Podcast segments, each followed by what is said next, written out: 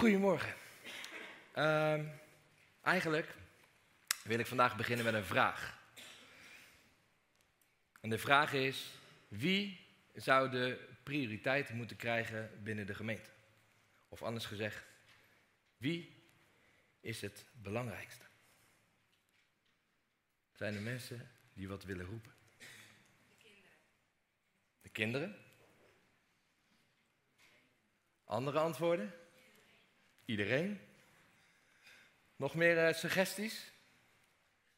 De zwakste? Supermooi. Jezus?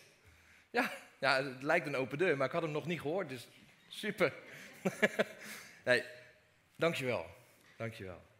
Allemaal mooie antwoorden. Ik had eigenlijk niet anders verwacht. Um, laten we een stukje lezen uit Marcus 10. Wie is het belangrijkste? Marcus 10. Jacobus en Johannes, de zonen van Zebedeus, kwamen bij hem, bij Jezus, en zeiden: Meester, we willen dat u voor ons doet wat we u vragen. Hij vroeg hen: Wat willen jullie dan dat ik voor je doe? Ze zeiden: Wanneer u heerst in uw glorie, laat een van ons dan rechts van u zitten en de ander links. Tot zover. Eigenlijk vragen ze hier niet echt om een plekje. Niet van eh, ik zit graag links of ik zit graag rechts. Maar ze vragen meer om een, om een status. Maak ons de belangrijkste. En dat is vaak een vraag die ontstaat als mensen in een groep bij elkaar zijn. En soms zelfs onbewust. Wie is het belangrijkste? En de rest van de discipelen, die nam met Johannes en Jacobus ook kwalijk. Dat vraag je niet. En misschien ook wel met in hun achterhoofd de gedachte van, ja dag, waarom ik dan niet? Bang om een plekje te verliezen wat ze nog niet eens toegewezen hadden gekregen. En ik moet zeggen, ik herken het ook eigenlijk wel een beetje. Misschien jij ook wel. Ik weet nog dat ik een aantal jaren geleden toch echt graag als eerste bij het, uh, bij het eten wilde zijn, bij zo'n buffet. Omdat ik bang was dat alle, anders al het lekkere al op was. Dat kan je ook wel een beetje zien misschien. Uh, maar dat niet alleen. Ook bijvoorbeeld een plekje claimen in de auto. Ik ben niet zo van het achterin zitten. Misschien heeft dat ook met mijn werk, andere werk te maken. Dat vind ik spannend. Dus ik zit graag op het beste plekje in de auto als ik dan niet hoef te rijden. Dat is natuurlijk voorin. Dus dan, uh, dan heb je dat dips gebeuren. Je claim je gewoon even je plekje. En uh, dan weet je net van zeker dat jij niet het rotste plekje hebt op de achterbank in het midden. Dat je je benen niet eens kwijt kan. Of kijk eens naar concerten en festivals. Veel mensen willen daar ook graag de beste plek hebben. En er zijn eigenlijk maar een paar mogelijkheden voor de beste plek. Waardoor er vaak al ruim voordat het gaat beginnen, voordat het open gaat, al rijen mensen staan te wachten om straks de beste plek te krijgen. Bang om anders niet alles te kunnen zien of te kunnen horen. Dat zag ik laatst nog op de, op de Jongerendag. De zaal ging open en iedereen stroomde vanuit een soort trechter naar de voorste hekken toe. Want daar kon je het toch het beste zien. En daar wil je staan. Liever jij dan, dan iemand anders. Het is een beetje egocentrisch, een beetje op jezelf gericht. Als ik maar de beste, als ik maar de mooiste en als ik maar de eerste ben. Mijn moeder zong vroeger ook altijd een liedje. Ik heb even gekeken waar het nou vandaan komt. Het eerste regeltje, dat kent volgens mij iedereen. Dat is ikke, ikke, ikke en de rest kan stikken. Maar mijn oom die had er ooit een keer een liedje opgemaakt. Dat was van een Nederlandse gospelband. Ging ikke, ikke, ikke en de rest kan stikken. Het lijkt de geest van deze tijd. Ikke, ikke, ikke en de rest kan stikken. En zo ging dat dan door. En dat was 30 jaar geleden.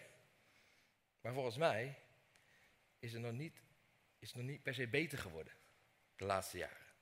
Maar ik hoop dat we eigenlijk allemaal stukje bij beetje een beetje groeien in heiliging. En daarmee ook in dienstbaar zijn. Om anderen ook wat te gunnen. Want wie is het belangrijkste? Twee weken geleden was ik bij een boekpresentatie van dit boek. Samen Jong heet dat. En eh, dat was niet zomaar, want maanden geleden kreeg ik een mailtje waar, waarin de vraag stond of ze me mochten interviewen voor dit boek. Dus daar heb ik ja op gezegd en uh, aan meegewerkt samen met nog een aantal mensen. Om zo eigenlijk bij te dragen aan wat het boek te zeggen heeft. Ik zei het al, het boek heet Samen Jong. En dan kun je misschien direct al op het verkeerde been gezet worden. Weer een boek voor jonge mensen. Voor tienerleiders, voor jeugdwerkers of jeugdpredikanten. Maar nee, dat is dit boek niet. Dit boek is een boek dat gemaakt is voor de hele kerk. Een boek voor jong en oud. Met als doel gemeenteopbouw. Dus niet hoe trek ik jongeren naar de kerk toe met de meest toffe evenementen. Maar het is gericht op zes kernwaardes. Die ik vandaag zeker niet allemaal kan gaan behandelen. Daar was ik niet van plan. Maar waardes die, die wijzen en horen bij een cultuur en een DNA van een gemeente, een geloofsgemeenschap om Jezus heen. Kernwaarden die Jezus voorleefde. Ik zal ze alle zes even noemen. En daarna zal ik vooral inzoomen op kernwaarde 1. Eén is prio geven aan jonge generaties. En twee is Jezus' boodschap serieus nemen. En drie is hart voor jongeren hebben. Vier is verantwoordelijkheid geven. Vijf, een warme gemeenschap vormen. En zes, beste buren zijn. Zoals ik al zei, vandaag gaan we vooral kernwaarde 1 uh, eh, even aandacht aan geven. Prioriteit geven aan de jonge generatie. En wie weet komen de andere kernwaarden ooit nog een keer aan bod. En anders kan ik dit boek alleen maar aanbevelen om het een keer te lezen, maar dat is eigenlijk sowieso een goed plan. Dus prioriteit geven aan jonge generaties. Laten we beginnen met een stukje te lezen uit Matthäus, Matthäus 18. Vanaf vers 1. Op dat moment kwamen de leerlingen Jezus vragen: Wie is eigenlijk de grootste in het koninkrijk van de hemel? Hij riep een kind bij zich, zette het in hun midden neer en zei: Ik verzeker jullie, als je niet verandert en wordt als een kind, dan zul je het koninkrijk van de hemel zeker niet binnengaan. En wie zich vernedert, wie zichzelf vernedert en wordt als dit kind, die is de grootste in het koninkrijk van de hemel. En wie in mijn naam één zo'n kind ontvangt, die ontvangt mij. Maar wie een van de geringe mensen die in mij geloven ten val brengt, die kan maar beter met een molensteen om zijn nek in de zee geworpen worden en in de diepte verdrinken. Tot zover. Jezus is met zijn discipelen onderweg naar Jeruzalem. Onderweg naar de plaats waar hij gekleineerd en gekruisigd zal gaan worden. Maar voordat het zover is, volgt er nog een heleboel onderwijs. Dat laten we ook in een stukje van zojuist. Onderwijs. De discipelen die blijven maar zitten met het vraagstuk wie de grootste, wie de belangrijkste is en de meest aanzienlijke zal zijn. En ze stellen die vraag aan Jezus. En in plaats van dat Jezus dan zegt, ja dat zijn de kinderen, roept hij de eerste kind bij. Hij omarmt dat kind, lezen we ergens anders. En dan zet hij het in het midden neer en zegt: Ik verzeker jullie, als je niet verandert en wordt als dit kind, dan zul je het koninkrijk van de hemel zeker niet binnengaan. Jezus zag hier in dat kind precies het tegenovergestelde van wat hij zag in zijn discipelen. Jezus zag een belangrijk persoon, een groot persoon, die groots was in zijn kleinheid. Belangrijk was door zijn onbelangrijkheid. En iemand die niet uit was op eer en een grote, hoge positie. Maar het daardoor juist kon krijgen. Jezus keert alles om. Jezus keerde daar alles om. Zoals hij eigenlijk altijd doet. Maar Jezus is dan nog niet klaar en hij gaat verder. Waar de discipelen de vraag lekker algemeen gesteld hadden, maakt Jezus het persoonlijk. Hij zegt, ik verzeker jullie, als jullie niet veranderen en worden als een kind, dan zullen jullie het koninkrijk van de hemel zeker niet binnengaan. Eigenlijk zegt hij, als jullie niet opnieuw worden als de kinderen, wat bedoelt hij daar nou mee? Dat kunnen natuurlijk heel veel dingen betekenen. Maar de kans is groot dat, dat Jezus in elk geval bedoelt weer dat ze zich niet te groot moeten inschatten, maar dat ze zichzelf juist klein en onbetekenend mogen zien. Maar ook zeker dat ze God mogen vertrouwen zoals een kind oneindig veel vertrouwen heeft in zijn ouders. En ook dat ze als een kind nieuw geestelijk leven mogen krijgen. En dat is zo ontzettend gaaf. We hoeven niet allemaal theologisch diepgravende onderzoeken te doen of te kennen, maar gewoon geloven als een kind. Dat is genoeg. Vertrouwen als een kind en in jezelf, je, of jezelf zo klein maken als een kind, die zijn volledige vertrouwen in de Hemelse Vader stelt. Want Jezus zegt daarna, wie zichzelf vernedert en wordt als dit kind, die is de grootste in het koninkrijk van de hemel. Kijk, in het Jodendom waren er geen teksten bekend waarin kinderen als een soort rolmodel werden neergezet. En Matthäus schrijft dit evangelie voor de Joden. Dus de impact die deze woorden op de fariseeën en de schriftgeleerden gehad moet hebben, is waarschijnlijk best bizar. Chockerend zelfs. Waar stonden zij dan met al hun kennis? En ook hier keert Jezus weer alles om. De schriftgeleerden die verachten nederigheid. Die waren er vies van en wilden daar niets van weten. Maar Jezus zegt, juist dat de minste in de wereld de meeste zullen worden in het koninkrijk van de hemel. En wie op zo'n manier de kinderen ontvangt, kinderen die in die tijd helemaal niks waard waren, gelukkig zijn de tijden een beetje veranderd, die niks te zeggen hadden, die niet meetelden, die ontvangt Jezus. En het laatste vers in dat stuk is misschien ergens een beetje luguber. Want er wordt gelijk verteld wat je zou moeten wensen als je een kleine tegenhoudt. Namelijk de verdrinkingsdood met een molensteen om je nek. Bijzonder is dat het hier niet meer gaat om de kinderen, maar om kleinen. In onze vertaling stond geringe mensen. En hier maakt Jezus eigenlijk iedereen die in hem gelooft als een kind. Klein en onbetekenend in de wereld. En in Israël kennen ze twee soorten molenstenen. Een kleine die met de hand kon worden bediend. En een grote die vaak door een ezel werd bediend. Israël kende niet de doodstraf door verdrinkingsdood. Dus dit is waarschijnlijk meer een spreekwoord geweest, een gezegde van als voorbeeld, dan dat het een letterlijk iets was. Dat is misschien wel goed om te weten. Hij bedoelt misschien gewoon te zeggen dat je maar beter definitief kan verdwijnen als je een kleine tegenhield. Want juist die kleine zijn Jezus zijn vips, zijn very important persons. Volgens mij is dit stuk wel helder, denk ik. Maar ik was aan het doorlezen en dan gebeurt er toch weer wat bijzonders. Jezus heeft dit onderwijs over kinderen, hoe belangrijk ze zijn en wat je er vooral niet mee moet doen, uitvoerig besproken met zijn discipelen. En hij vertelt nog een gelijkenis en nog wat. En dan vertrekt hij richting Judea.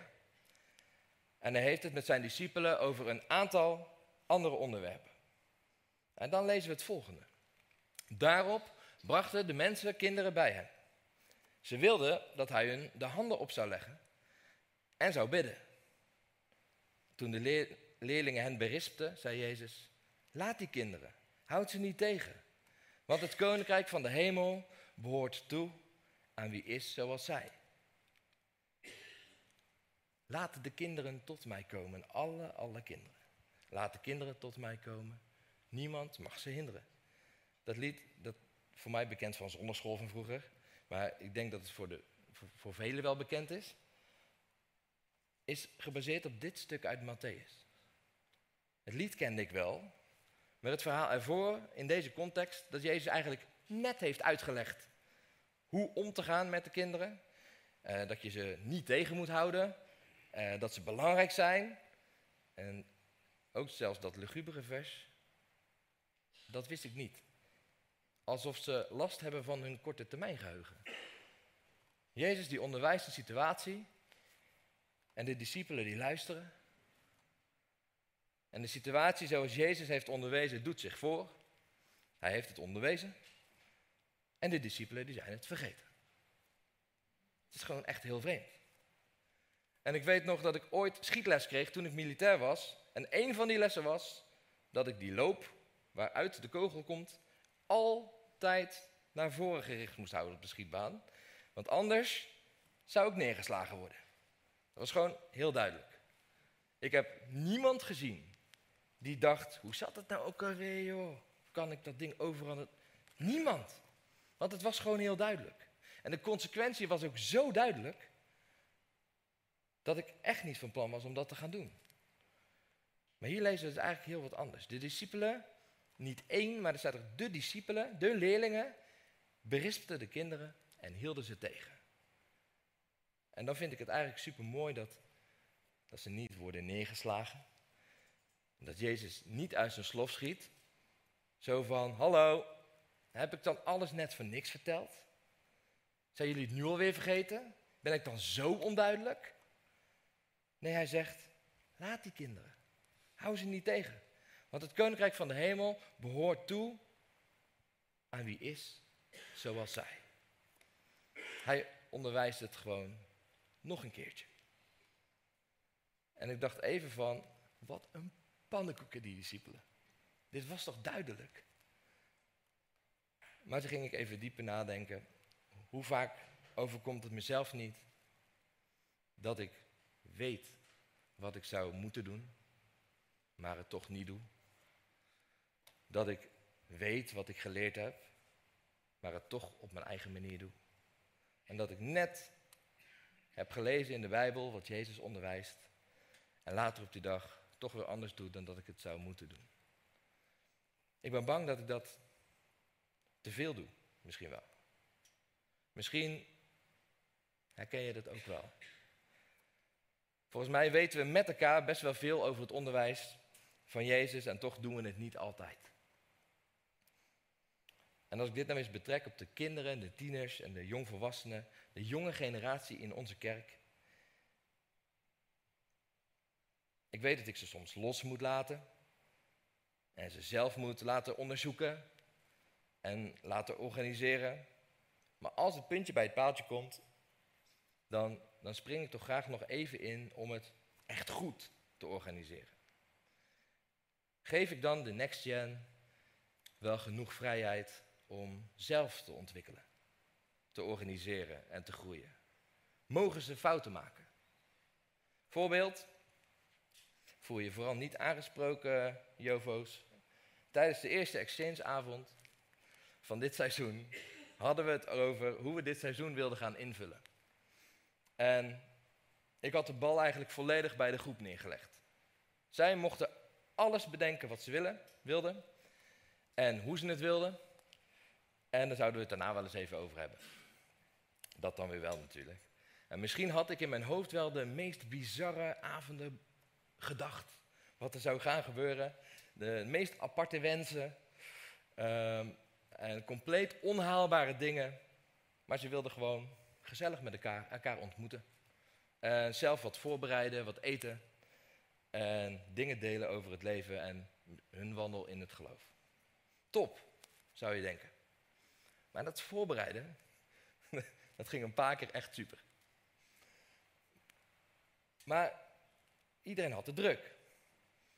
En dan was iemand vergeten, of het kwam toch lastig uit. Of ja, dan had gedurende het seizoen mensen er toch iets minder zin in dan dat we van tevoren hadden afgesproken.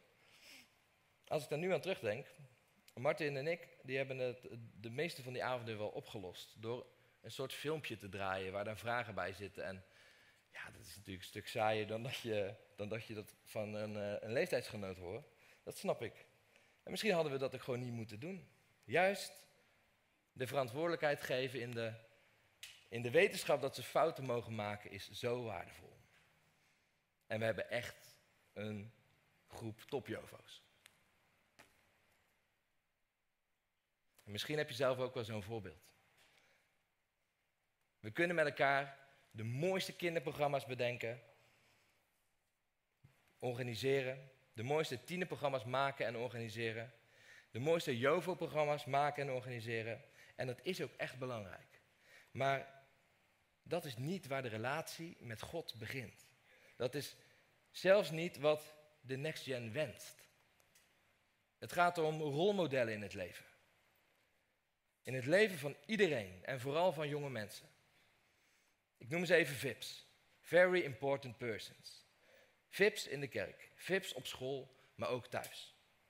Iedereen kan een VIP zijn voor een jonge generatie. En vandaar dat dit ook een boek is voor iedereen. Als je 80 bent, dan kun je een VIP zijn voor bijvoorbeeld iemand van 60. En als je 60 bent voor iemand van 40. Als je 40 bent voor iemand van 20. Als je 20 bent misschien wel voor iemand van 10 of 15. En zelfs als je 10 of 15 bent, kun jij een VIP zijn voor zo'n klein kindje in Wonderland. Iedereen is belangrijk in de kerk. Laten we prioriteit geven aan de jonge generatie. Dat is namelijk niet de kerk van morgen, maar dat is de kerk van nu. Natuurlijk kun je als 60-jarige ook VIP zijn voor iemand van 10 of 20. Laat ik dat niet vergeten te zeggen. Maar je begrijpt denk ik wat ik bedoel.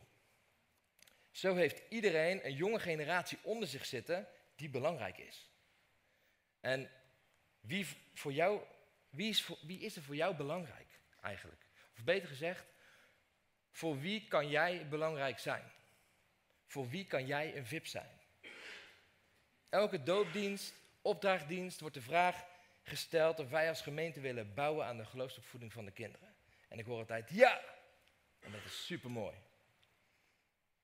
Maar laten we dan gaan kijken hoe we dat kunnen gaan doen met elkaar. Of je nu zelf wel of geen kinderen hebt, wel of geen kleinkinderen hebt, dat is voor dit principe niet belangrijk. We zijn samen kerk. We zijn samen family. Samen goed nieuws. Dus we moeten het samen doen. Elk persoon is een very important person. Want je bent gemaakt door God. En elk persoon heeft andere VIP's als rolmodellen nodig. Maar vergeet niet dat de geloofsopvoeding niet alleen een taak is van de kerk. En niet alleen plaatsvindt in de kerk. Maar ook misschien, misschien wel vooral thuis. Maar hoe pak je het aan thuis? Hoe werkt dat dan? Bespreek je dit wel eens in je thuis kring? Deel je wel eens je eigen verhalen en struggelingen daarin? Misschien moeten we daar eens mee aan de slag. Zodat we een cultuur krijgen waarin jonge mensen gezien en gehoord worden. Niet alleen door de kinderwerkers, niet alleen door de tienerwerkers, niet alleen door mij, want ik kan dat helemaal niet alleen. Maar door ons allemaal. Zodat we een cultuur krijgen waarin de stem van de jonge generatie waardevol is. En daar moeten we samen aan werken. Ik hoorde over een mooi principe en daar ben ik eens naar op zoek gegaan. Vaak zitten we met één leider en vijf tieners in een groep. Ongeveer. En dat is voor een veilige setting ideaal. Maar als we dat nou eens gaan omdraaien. Vijf volwassenen en één tiener. Hoe klinkt dat? Dan bedoel ik natuurlijk niet voor een kleine groepsetting, want het zou een beetje raar worden. Als je één tiener zet met vijf volwassenen eromheen, is niet zo heel handig. Maar ja, ik hou het even bij, bij mijn doelgroep, dan kan je het zo ver doortrekken als dat je zelf wilt. Laat ik het even bij de tieners en de jovo's houden. Misschien weet je het ook wel als ouder van een tiener. Er komt een moment dat jouw lieve tiener niet alles meer tegen je zegt. En dat er dingen zijn die ze liever niet met hun ouders bespreken. En ik weet nog dat mijn moeder om ons heen een heel netwerk gebouwd had. Van veilige gezinnen waar wij vaak waren. Waar we ons thuis voelden en waar we onszelf mochten zijn.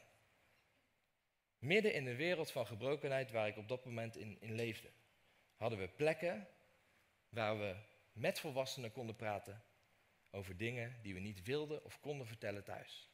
Dat bedoel ik. Hoe mooi zou het zijn als je met je tiener gaat zitten en dit is bespreekbaar maakt. Dat je begrijpt dat ze niet meer alles delen met jou. Maar dat, wel, dat je het wel belangrijk vindt. En dat je het belangrijk vindt dat ze het kunnen delen in veiligheid met andere mensen.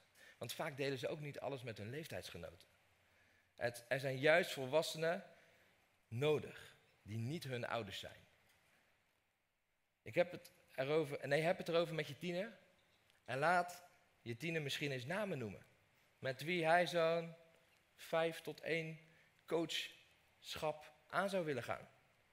Zodat jij voor je tiener een groep van minimaal vijf volwassenen bij elkaar kan zoeken.